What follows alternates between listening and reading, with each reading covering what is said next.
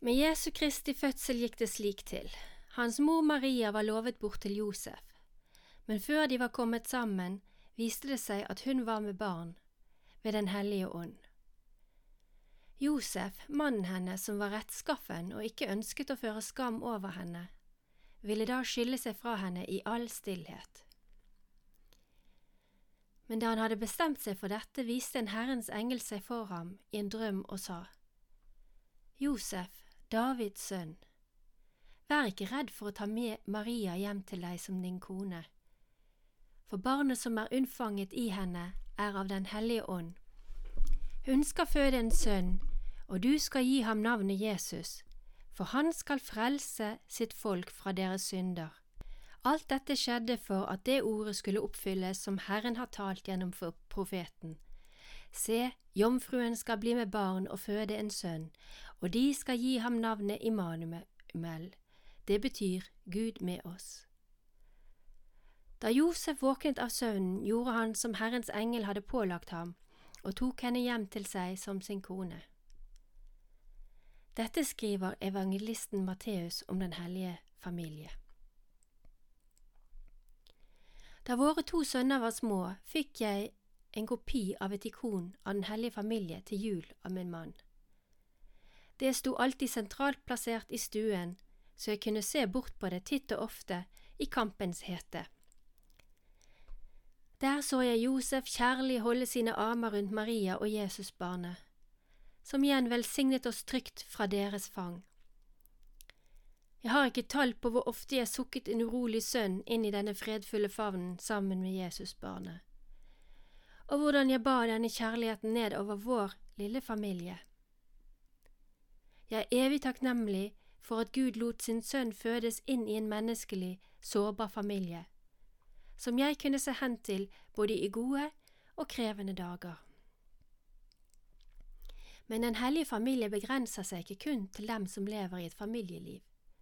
Den er like viktig for alle som ønsker å bidra til Jesu Kristi vekst i menneskenes hjerter her på jorden Ettersom jeg, gjennom Therese av Lisieux skrifter, har lært mer om hennes lille vei til Gud, barnekårets vei, har denne familien også blitt et tilfluktssted for meg selv i bønnen, i min egen hjelpeløshet. I diktet Jesus min elskede, husk, sier Teresa til Jesus. Jeg kommer til deg, jeg kommer til deg, skjul meg i dine svøpeklær jeg ønsker alltid å forbli i din krybbe.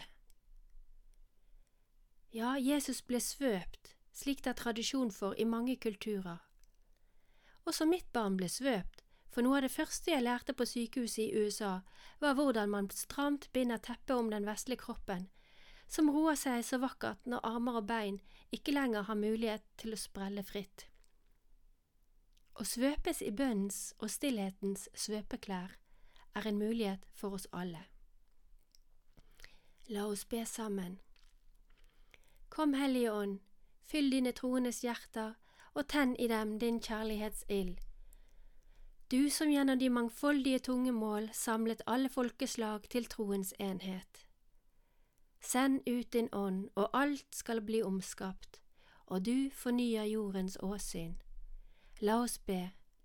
Gud, du har opplyst de troendes hjerter ved Den hellige ånd.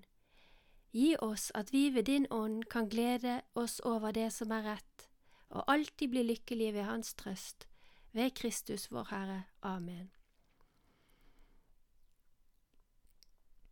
Bønnen til Den hellige ånd minner oss igjen på at Gud både kan og vil fornye jordens åsyn. Men det er et lite men. Det krever blant annet vitner som lever den troen de skal vitne om.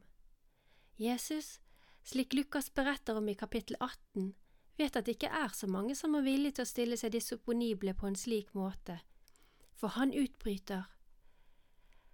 Men når menneskesønnen kommer, vil han da finne troen på jorden?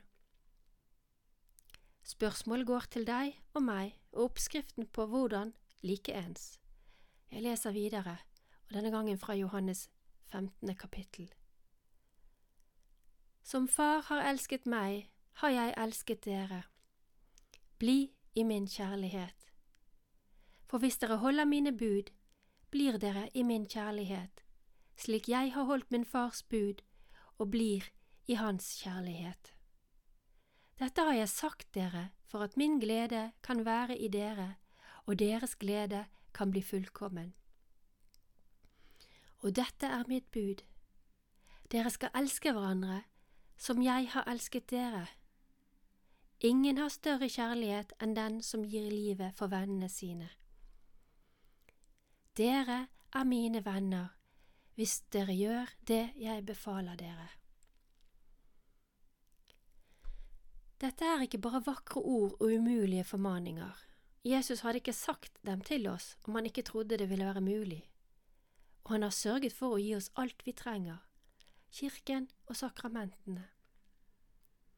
Det siste han gjorde fra korset, var å gi oss sin mor, Maria, som skulle elske oss og lede oss inn i denne treenighetens kjærlighet, som han ønsker så inderlig å innlemme oss i. Under korset blir hun kirkens og sjelenes mor, som er et av de viktigste aspekter ved Maria for en karmelitt. Det er Maria som tar oss i skole når vi ønsker å gå inn i et dypere bønneliv, et dypere forhold til hennes sønn. Hun som har elsket ham så inderlig her på jorden, lengter like inderlig etter å innlemme oss i denne kjærligheten der vi kan få se på Jesus med Marias øyne, bære ham i våre armer, lytte til hans ord, gjøre som han sier, og ikke minst stå sammen med henne under korset. La oss ha Maria ved vår side på troens vei. Hun lærer oss en holdning som er helt avgjørende om vi skal fylles av nåde. Husk, hun var helt fylt av nåde, ikke delvis fylt. Hun protesterte ikke som Sakarias når engelen presenterte henne for det umulige. Hun undret seg, ja, hun stilte spørsmål, men svarene hun fikk, var ikke lett å forstå. Den hellige ånd skal komme over deg, og den høyestes kraft skal overskygge deg. Derfor skal barnet som blir født, være hellig og kalles Guds sønn. Maria setter ikke seg selv, sin manglende forstand, sine planer eller ønsker i veien for Gud. Nei, hennes svar er dette evige ja, la det skje meg som du har sagt. Og hennes måte å leve dette svaret på finner vi beskrevet to steder i Lukas' beretning. Når gjeterne kommer til krybben, og når hun etter sitt livs store angst sammen med Josef gjenfinner Jesus i tempelet i Jerusalem. Da står det, men Maria tok vare på alt som ble sagt, og grunnet på det i sitt hjerte. Maria lærer oss undringens, drøvtyggingens, hjertets bønn. Maria er forbildet på den meditative holdning, som gir oss inspirasjon til å forstå livet i kirken, Kristi legeme på en kontemplativ måte. Therese av Avila beskriver sine lukkede reformerte klostre som Marias duekleiver, og nevner stadig at det er hennes drakt karmelittnonnene bærer. Kanskje noen kjenner til historien om Simon Stock, som på midten av 1200-tallet i et syn fikk motta skapularet av jomfru Maria. Skapularet er det forkledet munkene og nonnene bærer utenpå drakten, og som leggkarmelitter bærer på seg i miniatyrutgave. Livet og bønnen i Karmel er aldri atskilt fra Marias kjærlighet og omsorg, og vi skal nok i senere programmer få stifte dypere kjennskap til henne sett gjennom Karmelordens øyne.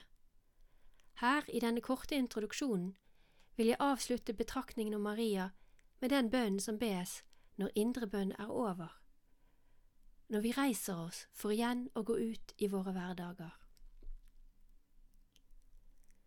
Under ditt vern tar vi vår tilflukt, Guds hellige mor. Ta nådig imot de bønner vi ber i våre trengsler, og frels oss fra alle farer, du ærerike og salige jomfru. Be for oss Guds hellige mor, at vi må bli verdige til Kristi løfter. La oss be. Herre, la den salige jomfru Marias forbønn bli oss til hjelp på vår livsvei, så vi under hennes vern når frem til den klippe som er Kristus, Han som lever og råder i all evighet. Amen.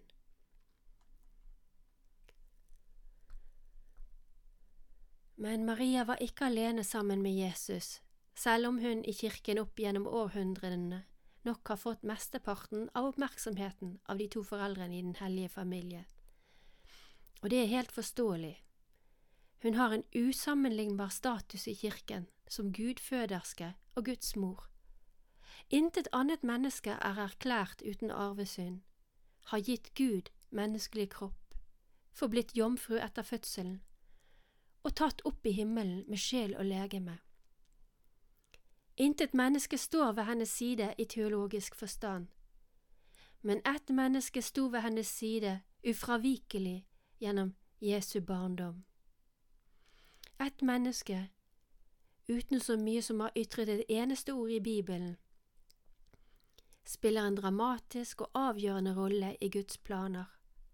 Mannen som, stillferdig og skjult, er mottagelig for Guds ord og følger dem uten nøling. Jesu fosterfar, den hellige Josef. Den 8. desember i fjor, på 150-årsjubileet for hellige Josefs utnevnelse til kirkens universelle beskytter, erklærte pave Frans det kommende liturgiske år for hellige, Den hellige Josefs år. Alle karmelhjerter gleder seg over dette. Det er ingen hemmelighet at ordenens mor, Teresa, hadde et meget nært forhold til denne helgenen, og at hun har spilt en avgjørende rolle i å fremme Josef-fromheten i kirken. Hennes første reformerte kloster i Avila bar, på Jesu befaling, Sankt Josefs navn. Men også mange senere klosterstiftelser i Teresas levetid ble oppkalt etter ham. Om denne helgenen skriver hun i boken om sitt liv. Som forbeder tok jeg den ærerike Sankt Josef og anbefalte meg til ham. Jeg innser klart at det var denne min Herre og Fader som hjalp meg ut av den nød jeg var i, likesom av andre og større farer der min ære og min sjels frelse sto på spill, og som ga meg mer enn jeg hadde visst å be om. Jeg kan ikke huske at jeg til denne dag har bedt om noe uten at han har bønnhørt meg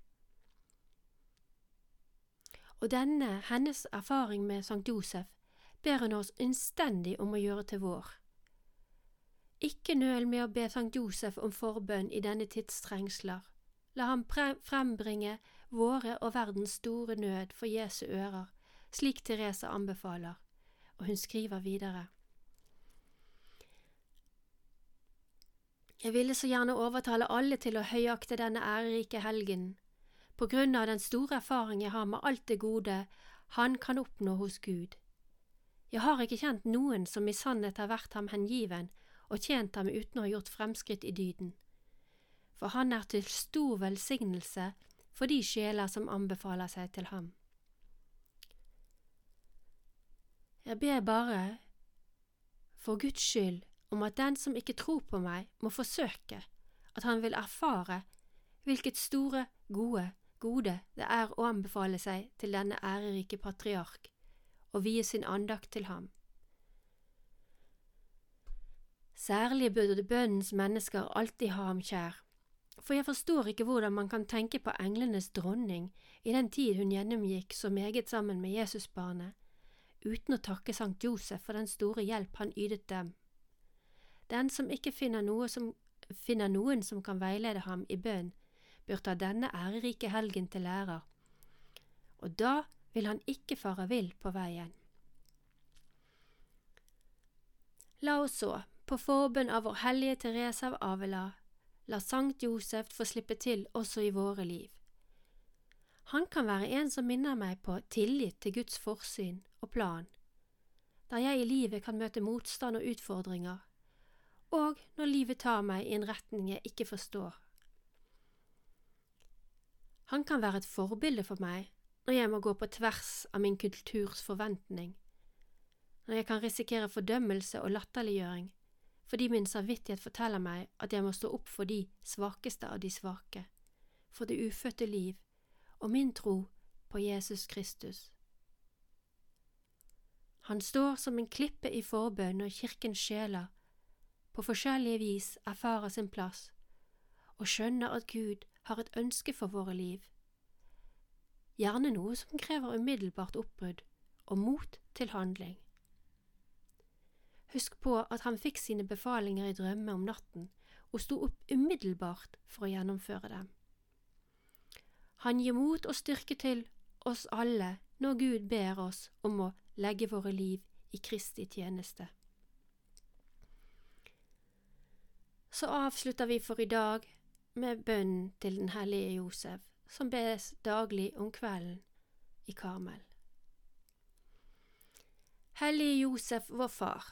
Du har aldri sviktet dem som ber om din hjelp og forbønn. Som vår hellige mor Teresa tar vi vår tilflukt til deg. Du var Frelserens faderlige beskytter her på jorden, og han lytter til dine bønner i himmelen. Gjennom ham har du makt til å hjelpe oss, og det som synes umulig, kan du gjøre mulig. Vi ber om din faderlige omsorg og at du skal sørge for oss og gi oss alt vi trenger. Amen.